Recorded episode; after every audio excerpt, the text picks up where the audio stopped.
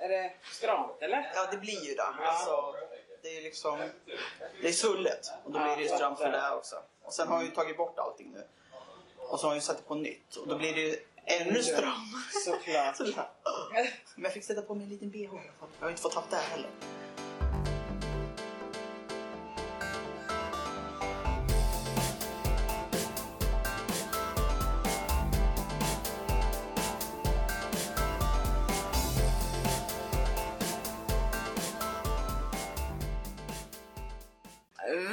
Välkomna till Gastric Fantastic med Milla och Mimmi avsnitt 9. Tjenixen! Men eh, idag Mimmi, idag har vi en, en gäst. Det har vi!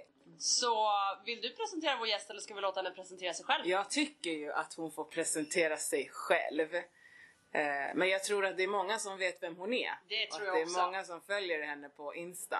Och det är spännande för oss för det, hon blir vår första gäst i Första podden. gäst! Ja. Så vi lämnar över till eh, gästen.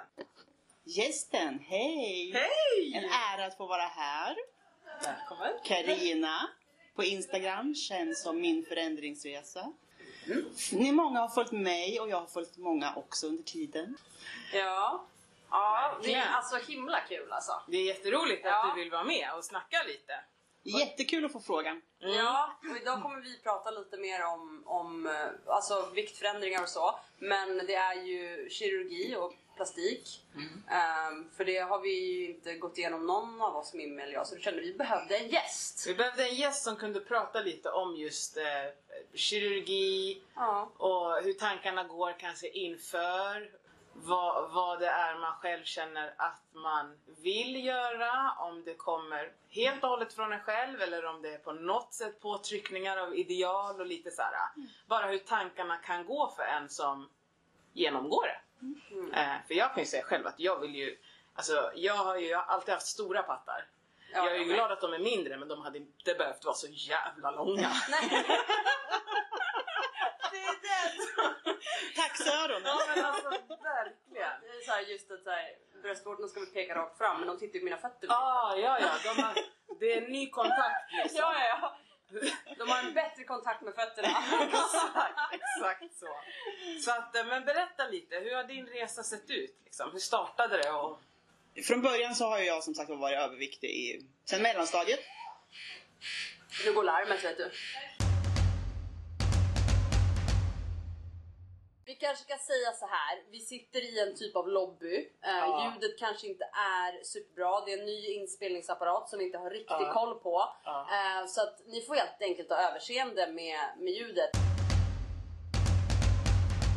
Nej men Karina, berätta. Hur Yes. började din resa?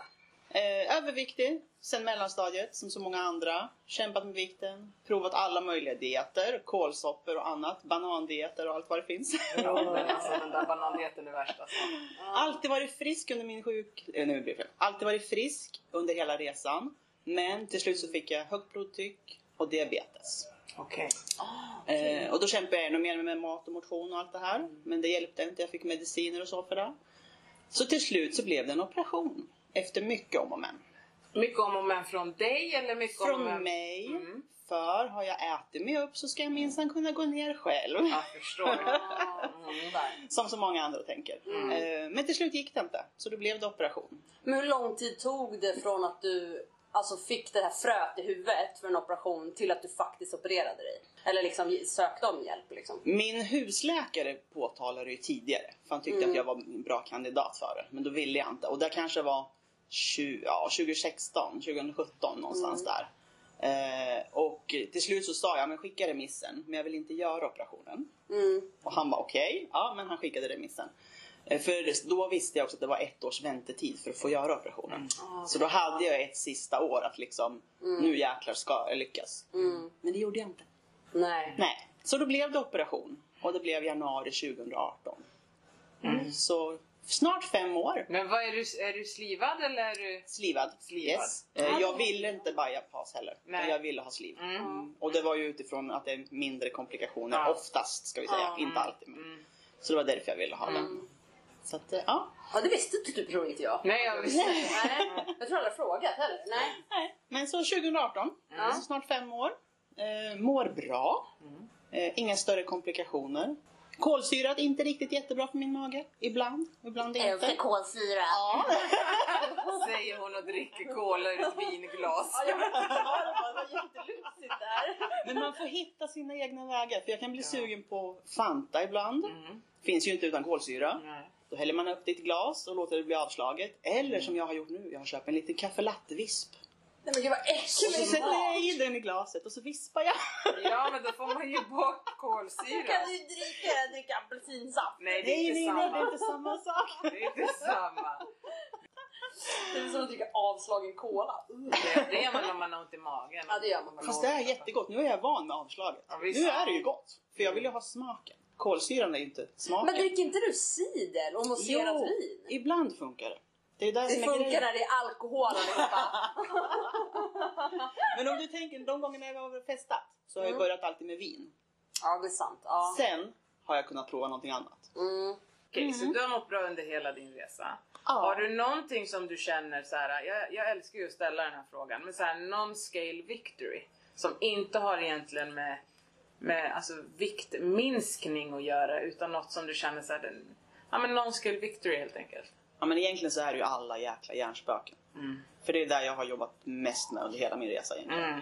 För min vikt, min kropp tappade den väldigt lätt och väldigt fort. Ja. Eh, Men då fick jag ju börja jobba med hjärnspökena istället. Mm. och hitta nya mål. För jag blev ju frisk från diabetes och högt blodtryck väldigt fort också. Oj wow.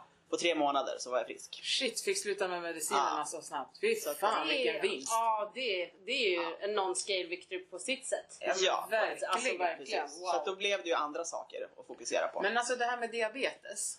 eh, Beror det på vilken typ man har att man kan bli fri- eller kan du bli frisk från typ 2 också liksom? Alltså inte den ärftliga varianten. Nej. Jag vet inte vilken som var vilken. Men, Nej. Ja. Eh, men den ärftliga är ju inte alltså, på grund av vikten alla gånger. Nej. Eh, Men däremot så sa han till mig, för jag hade ju bara haft, diabetes i ungefär ett år. Mm. Och då är det ännu större chans att bli av med den väldigt fort. Okej. Det är värre om du har haft det i många år. Ja, för för då är kroppen liksom ja, Mm. redan Ja, fattar. vant sig vid det. Då. Fan vad nice. Ja, Men var hjärnspöken och sånt där då? De har jag jättemånga. Fortfarande? Jajamensan. Hur jobbar du med då? Utmana mig själv. Ja. Eh, I år har väl varit året som jag har utmanat allra mest. Mhm. Eh, så att det här blir nog ett det, ja, det bästa året någonsin tror jag. Ja, vad nice. Skitjobbigt men jag måste göra det. Mm. Jag kan inte fortsätta leva med dem. Nej. Så är det. det jag har många olika hjärnspöken. Eh, en del kommer från barndomen. Mm. Som så många andra. Jag badar inte i svenskt vatten.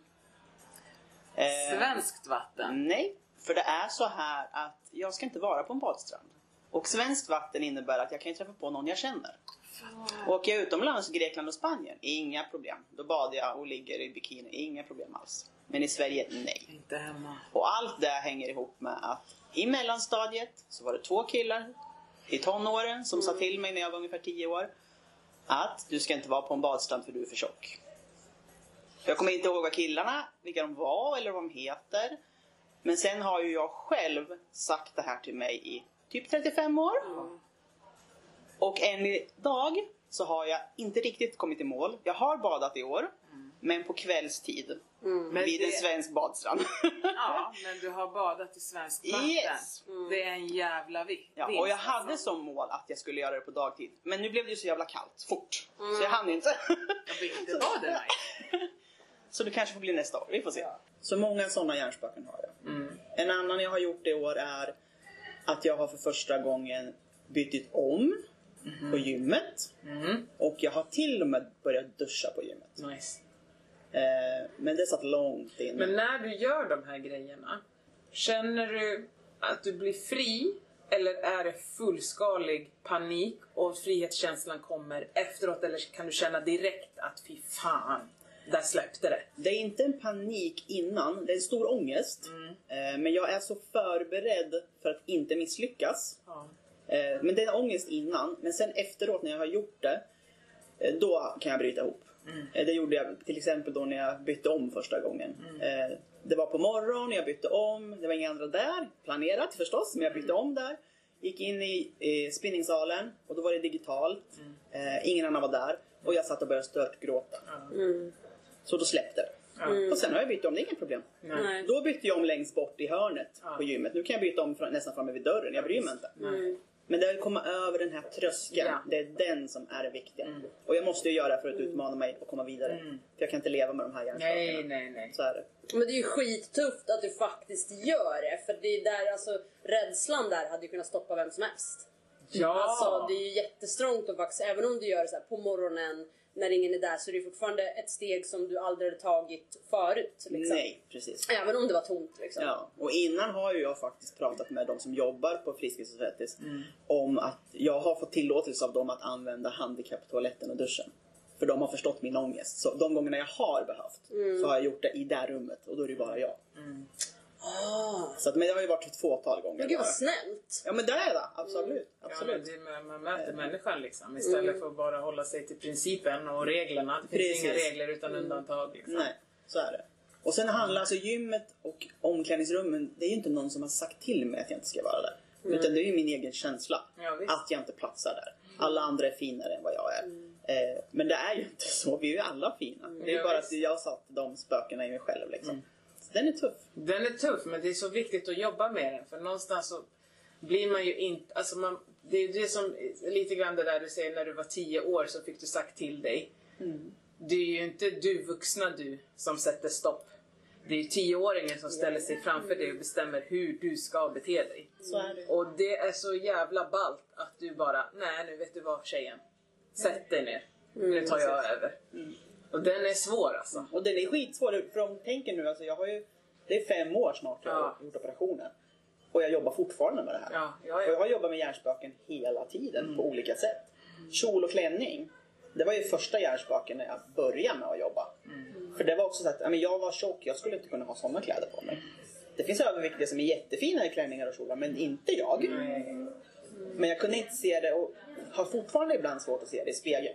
Men tar jag foto på mig, vilket jag gör och lägger ut som alla ser. Men när jag tar foto, då ser jag att jag ser bra ut. Tittar jag i spegeln så ljuger den fortfarande för mig. Men det börjar bli bättre. Men spegeln är, jag tror att någonstans är det ju att man är van att se en spegelbild. Och det spelar ju ingen roll. Alltså jag kommer ihåg när jag färgade håret rött en gång. När jag tittade mig i spegeln så var jag fortfarande mörkhårig. Mm. Ja, fattar. Ja. Så att man är bara inställd på vad som ska speglas tillbaka. Exakt. Så att, eh, nej men eh, fortsätt alltså. Jag, eh, ja, nej fortsätt med det. Jo men man måste, man kan inte ge upp heller. Man måste ju bli av med dem. Ja, Så är det. det ja, liksom, ja, ja. Vi kan inte fortsätta säga till oss att vi inte duger. Nej! För vi duger faktiskt. Och det gjorde vi innan också. Ja, ja, ja. Men vi måste utmana oss. Ja, de där pojkarna som sa vad de sa till dig, de har säkert tappat snopparna också. Så det är liksom, de har fått sin karma. Ja, ja, garanterat. Ja, ja, ja. Men det är så barn också alltså, kan vara så jäkla elaka. Antingen och, alltså, fast de inte tänker på att det är elakt då, eller så är det för att de gör det med ren elakhet. Nej, jag tror de har ingen konsekvenstänk. Nej. Det finns ju inte. Fast det är det som är så farligt för jag kan ju bli så här. att Ibland så skyller vuxna på att ah, men de är barn, det är ingen fara, de menar ingenting. Nej men det är skitsamma. Om Ja. två killar sa till mig det här, om ingen vuxen då sagt, alltså om de hade sagt till då, då kanske det hade blivit bättre för mig. Ja, visst. nu var det ingen som sa till. Nej. Och då var det så här, nej men då var det okej att säga det här till mig. Och sen har jag sagt det till, mig själv i så många år Exakt. efteråt. Ja, ja, där måste de vuxna gå in och Ja. sätta stopp. För att konsekvenstänk hos barn Mm. och sen med killar, tonåringar. Men jag tror att det blir ju den här att du blir tillsagd att du inte duger. Om du aldrig har hört det innan och det kommer där du inte är inom kaninöron beredd på det. Alltså du var på stranden, skulle bada och ha kul och sen helt plötsligt är det någon som säger någonting som förvränger hela din värld och bara men jaha? Och ingen säger någonting. Och så här, nej men det stämmer inte, du ska vara här och ni kan liksom. Det är klart att det blir så här. Men det där var ju inte jag ens beredd på att ta till mig och helt plötsligt är det något fel på mig fast det inte är det. Och det är klart att det sätter spår i allt. Gud ja. Det kan ju komma tillbaka till att okej, fan jag missade matteprovet. Ja, men jag ska inte vara här heller. Jag duger inte ens till det här. Och jag menar, människan är väl ganska ändå, hjärnan är väl ganska duktig på att hela tiden komma ihåg något som är fara. När du har blivit triggad. Så att då kan, även om det är så här, ja men du hör inte hemma här på stranden säger vi och sen så klarar du inte av matteprovet. Det är samma signal. Och den är så här, ja men då ska vi akta oss för det här. Nu ska fight, passa oss. Ja, hela tiden. Och då spelar det ingen roll om man inte får jobba med det eller blir att någon ställ, ställer sig, ställer, vad fan heter det? Står bakom en eller Ja. står upp för en. Då blir det ju hela tiden, okej jag duger inte, jag duger inte, jag, duger, jag fick inte jobbet som jag sökte, jag duger inte. Det blir hela tiden den här kopplingen. För att kropp, eller hjärnan tycker ju inte om så här, "Men det där var bra, det gör vi igen. Nej, Utan nej, det måste man ju precis. kämpa sig till. Ja. Det är mycket lättare att säga, nej det där var farligt, vi backar. Mm. Och det är därför det är så himla viktigt att man har folk runt omkring sig som faktiskt säger de här positiva sakerna och lyfter den. den. Det är ju det. Alltså det... Men kan du, är du bra på att ta komplimanger? Nej. Bättre? Ja. Ja. Bra? Nej. Nej, tror att det där är lite grann grejen också när man har blivit så nedvärderad också så mycket och nedvärderat sig själv. När någon säger så här, fy fan vad bra du är. Då blir det nästan som att det bara flyger förbi. Man hör det men man kan inte ta in det. Som vatten på en gås. Mm. Det bara rinner av liksom. Ja, gås alltså. Det klassiska tack men. Exakt. Mm. Ja, för den, den jobbar man nog ganska mycket med. Tack, men det var inte bara jag. Tack, men jag, men. Tack, ja. Ja, Men ibland får man lära sig att bita sig i tungan. Och det har börjat göra. Ja. Jag, jag brukar säga tack och sen...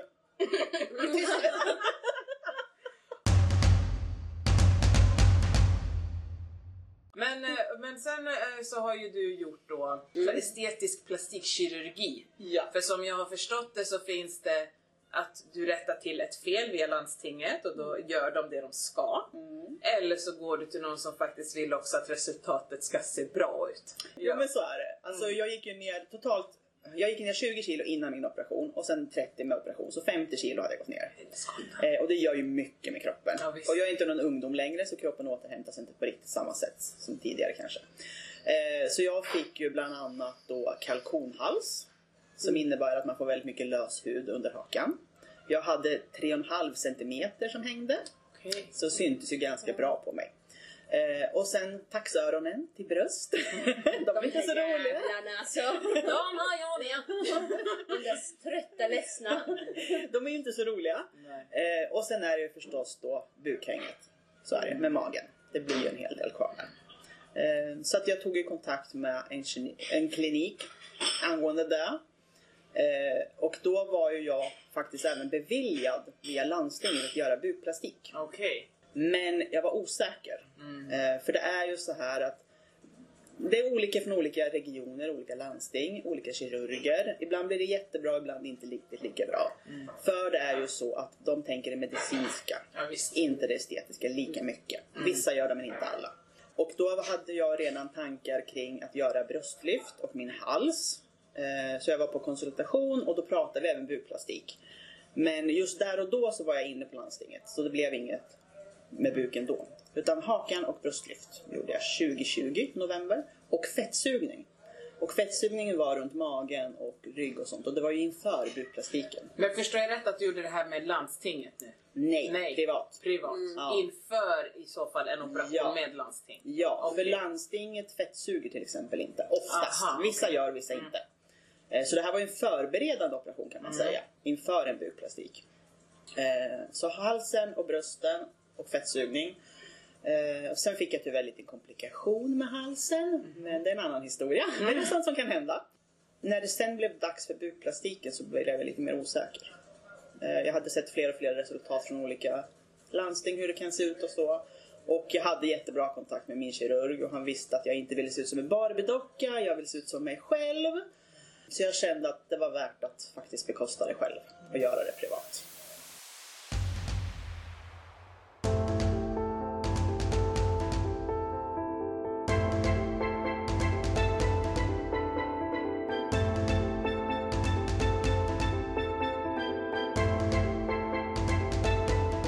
Och du har väl också vad jag förstår som gjort um med brösten så har du tagit ditt eget fett. Ja, när jag gjorde bröstlyftet så fyllde jag på med fett. Mitt eget fett som de tog när de fettsög. Eh, Jag vill inte ha implantat i mina bröst och jag hade lite fyllnad kvar. För det är ju så att det nya fettet man transplanterar måste fästa i gammalt fett. Eh, Så jag fyllde på brösten med fett. Jag tror det var ungefär 4 deciliter i vardera bröst vid det här tillfället. Men sen är det ju så att det är inte alltid fettet stannar kvar när du gör bröstlyft samtidigt. Så sommaren efter fick jag fylla på igen då. Och då fyllde jag på ungefär 3 deciliter. Men nu har det legat kvar sedan dess. Så nu har jag, så nu har jag e-kupa. wow.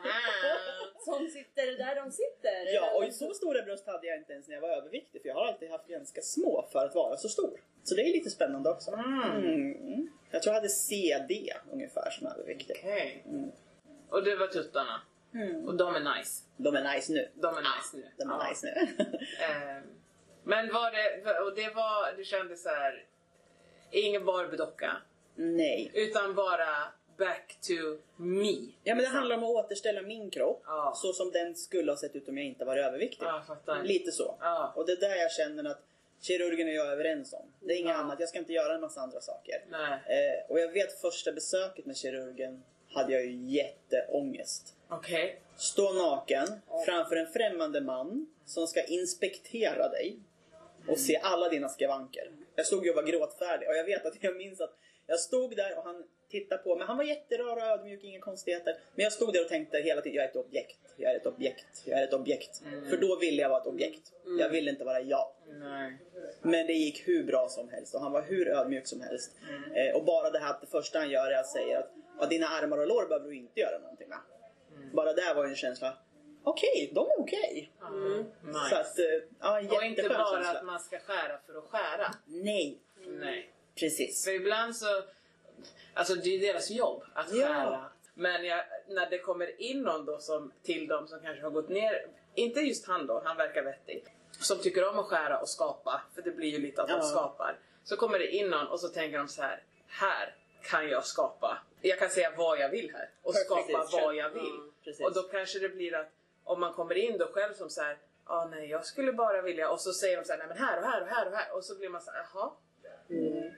Man måste ju någonstans vara stark i sig själv innan man går till någon för att annars kan du vakna från ett operationsbord och se ut precis hur som helst. Ja, och jag vill ju se ut som mig själv. Ja. Bara att liksom, jag så som jag skulle ha sett ut Ja. egentligen. Det är där det handlar om. Ja, och det är det jag tror också är viktigt. Nu faktiskt så hade inte jag flera andra som jag gick konsultera. Nej. För jag hade hört bra om honom, jag har nära vänner som har använt Mm. honom. Då, och första intrycket blev ju väldigt bra. Men annars är det ju bra om man faktiskt pratar med flera olika kirurger. Ja. För du måste få en bra kontakt med dem. Mm. För personkemin betyder jättemycket. Såklart. För det är som du säger, man måste förstå vad är det den här patienten vill ha. Ja. Det är ju, och sen är det alltid en risk att patienten inte blir lika nöjd. För man kan ha för förvrängd förväntan kanske. Mm. Eh, För man har ju olika förutsättningar. Ja men det tror Så jag är man det. kan ha bara rent spontant med en överviktsoperation också. Absolut. Förvrängda förväntningar. Ja, ja. Men må- många tror ju också att det är en quick fix. Och jag kommer att bli så lycklig efter magsäcksoperationen. Nej, om du var olycklig innan så är du det efteråt också. För Ja. det, omgivningen är ju densamma. Den Du är samma- precis det- densamma. Ja, det är ingen skillnad. Nej. Och det är det som är så jobbigt, kan jag tycka, utifrån Instagram till exempel. Att många tror att det är mycket bättre bara man gör operationen. Nej. Men det är ju inte det. Och det är därför det är så viktigt att vi som faktiskt finns på Instagram pratar och visar när det är dåliga stunder också. För det är inte alltid en dans på rosor. Nej. Det går upp och ner, helt klart. Alltså verkligen upp och ner. Sen så eh, med att visa när det, Jag är ju, tycker jag själv är jätteduktig på att visa när jag, mår, när jag mår bra. Men ibland också när jag mår dåligt. Men det blir ju min dagbok på, på något vis. Precis. Och jag vill ju inte alltid komma ihåg när jag har mått dåligt. Nej. Alltså, så att då blir jag lite grann så istället, speciellt om jag är i en period där jag mår riktigt skit. Då vill jag så här bara ta glada för att jag själv ska peppa mig. Typ att ja, men du kan le. Du kan liksom i det här. Men de som inte vet då hur jag mår ser ju bara den där glada. Mm. Eh, Vilket kan bli fel men någonstans blir det ju att jag lägger ut glatt för att peppa mig själv. och det är väl inget fel i det. Nej men det kan bli det, blir det här förvrängda. Ja. Att, att det blir ens dagbok, man vill komma ihåg det som var glatt när man själv mår dåligt. Men det, man, det som syns bara utåt är att I'm happy.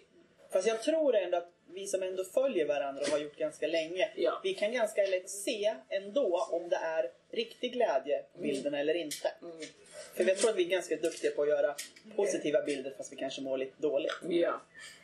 Ja, ja, ja. Ja men det, det tror jag. Alltså jag tror att man märker ganska snabbt där liksom så här, det är någonting där som skaver, det är någonting Ja. liksom på ja, men sådana som, som man har ändå haft lite koll på. Också träffat kanske, om man har träffat också lite folk eh, i verkligheten så ser man ju också direkt även på Instagram fast det är ett leende. Eller liksom så här, man kan ofta läsa mellan raderna lite också i text och sådär. Men, eh, men det är klart att det ibland kan ges, alltså de gånger jag lägger upp att någonting är dåligt, vilket inte heller är jätteofta, men när det är det så får jag ju väldigt mycket respons. Alltså just för att typ så, ah, men jag la ju upp den här videon när jag har gaser i magen, som du också har lagt upp. Alltså du vet, det var jättemånga som även om de inte kommenterade under bilden, som skrev till mig privat. Och bara, men tack för att du visade den här sidan. För det här är ingen som pratar om. Nej. Jag fick de där gaserna igår också, jag hade sån jävla magknip. Nej. Fan vad ont det gör alltså. Ja, det är sant. jag tryckte ett ägg. Jag vet inte om det var bra alltså. Äh, ägget sa hej då till mina tarmar. Och sen det här liksom att jag har lite problem, så jag, jag fiser ju väldigt mycket men jag har lite problem fortfarande att så här, göra det bland människor. Ehm, Släpp lös bara. ja men så är man på en praktikplats i sex timmar. Du är bland vänner nu så det är lugnt. Ja, men nu är det ganska lugnt. Men, eh, men eh, är man på en praktik i sex timmar så kan du inte göra det hur som helst och vad, vad liksom. Eh, och om man äter lite mycket ägg också så är det ingen bra idé. Eh, helt enkelt. Och det är så, här, så att, ja, det fick jag känna sen.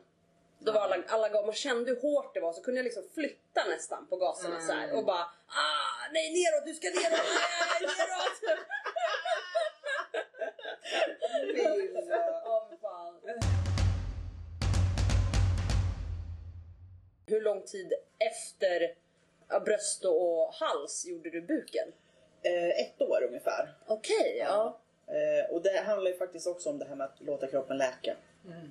För alla ingreppen kräver ju nästan ett års läkningstid för, att, Okej. för att ens få ett bra resultat och veta hur så det blir. länge, alltså. ja.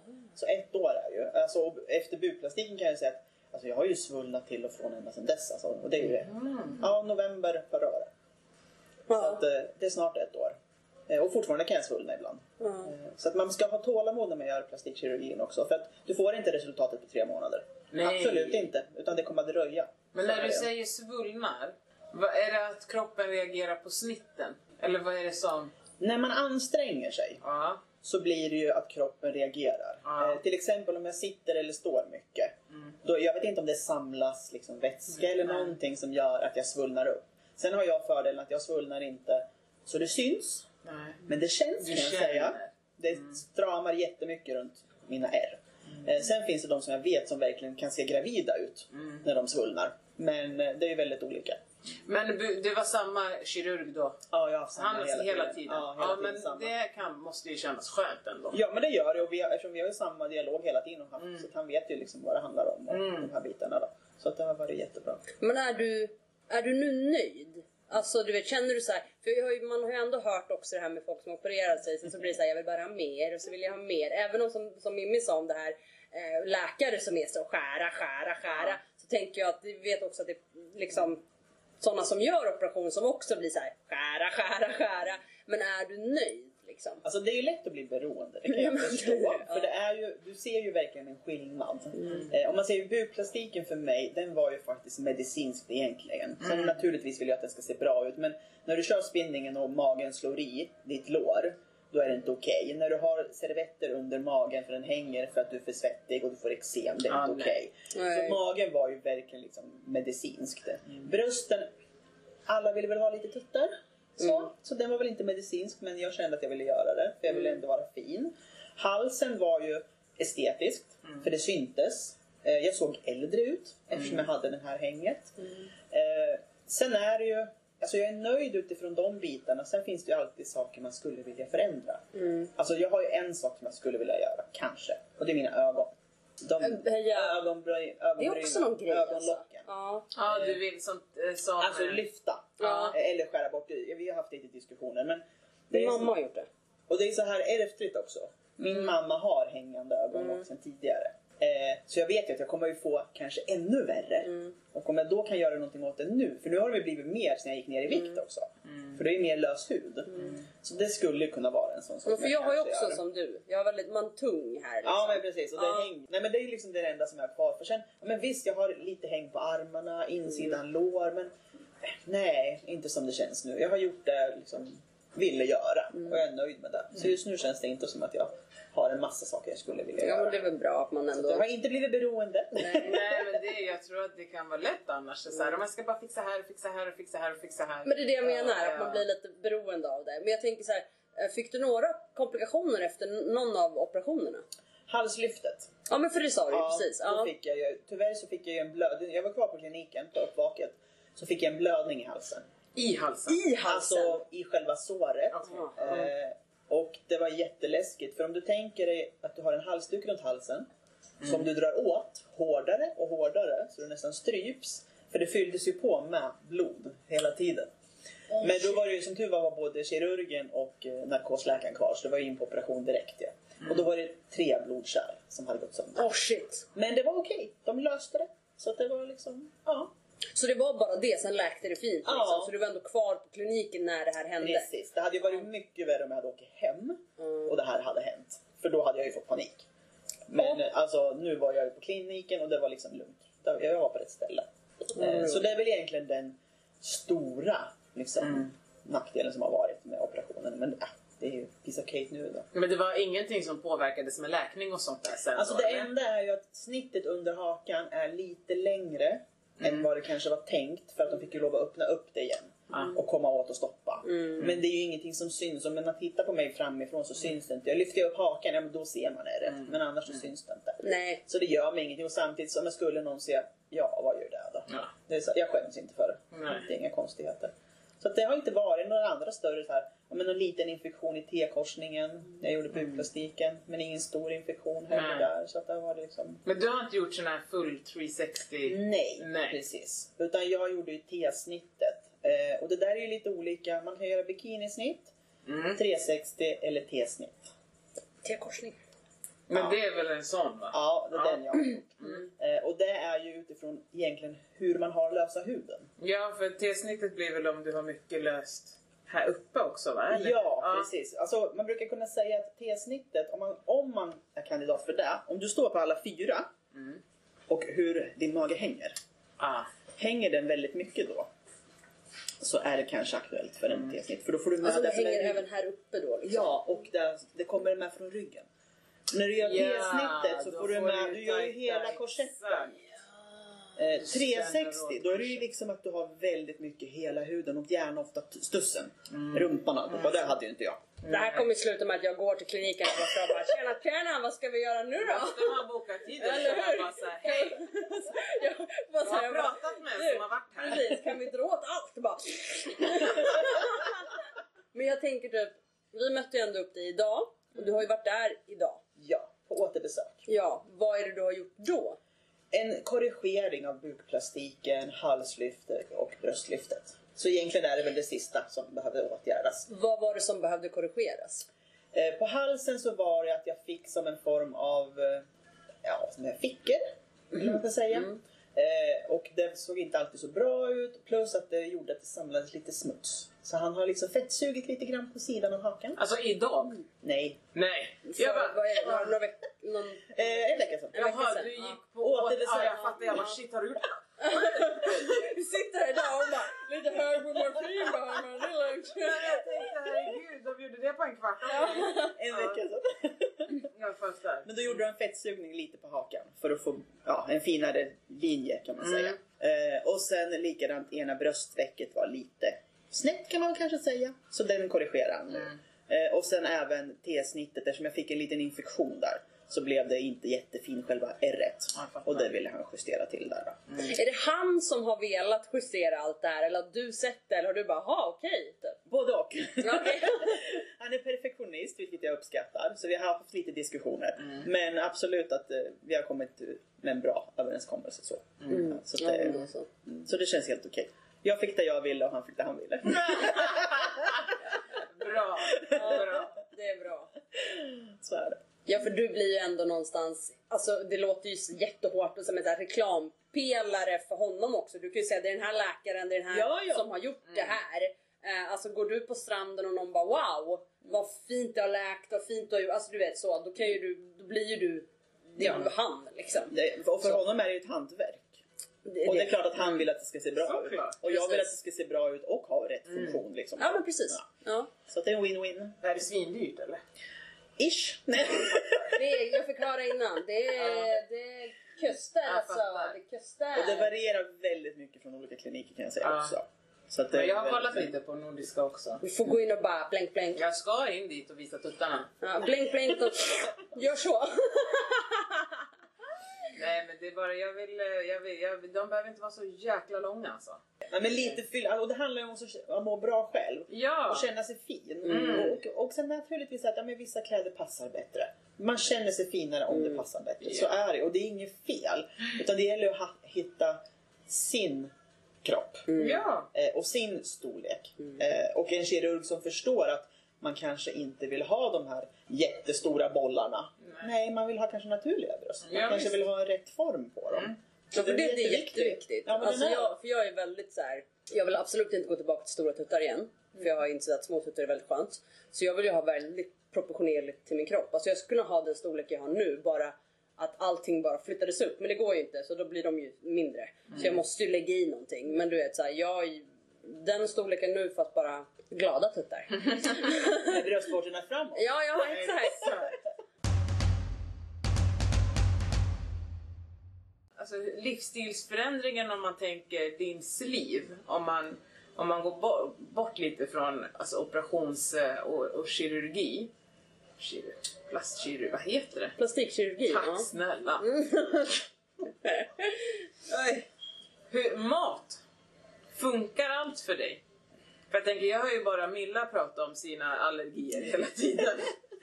Hur har det, alltså om man inte är nötallergiker, om man inte liksom har IBS och kan klara av fibrer. Om man inte har alla problem som Milla har. Hur mår slivade? Hur mår en slivad liksom? Hur funkar det? Jag mår jättebra och Mm. jag klarar allt. Mm. Eh, Jag har inte heller någon dumping. Nej. De flesta slivare har inte dumping. Mm. Det är oftast bypass som har. Eh, Ja, då tur du har. jag vet. Så det, det funkar bra. Mm. Eh, Men om man säger under de här fem åren, jag kör ju fortfarande tallriksmodellen fast enligt sliv. Mm. Så hälften protein och sen delar upp det grönsaker och kolhydrater. Sex måltider om dagen, äter på assiett, dricker vatten mellan måltiderna. Ja, du Ibland, dricker inte till. ibland det beror på. Hur funkar det för dig? Det beror på lite vad jag äter för någonting. Eh, och speciellt om jag tar kolsyra går det inte så bra. Nej. Men där är ju också att vi, må- där vi måste tänka på när det gäller vatten är ju det här att vi ska ju inte dricka det till maten för att vi ska fokusera på att äta. Ja. Det är det som är grejen. Mm. Men sen är det att viss mat vill man ha lite att dricka till.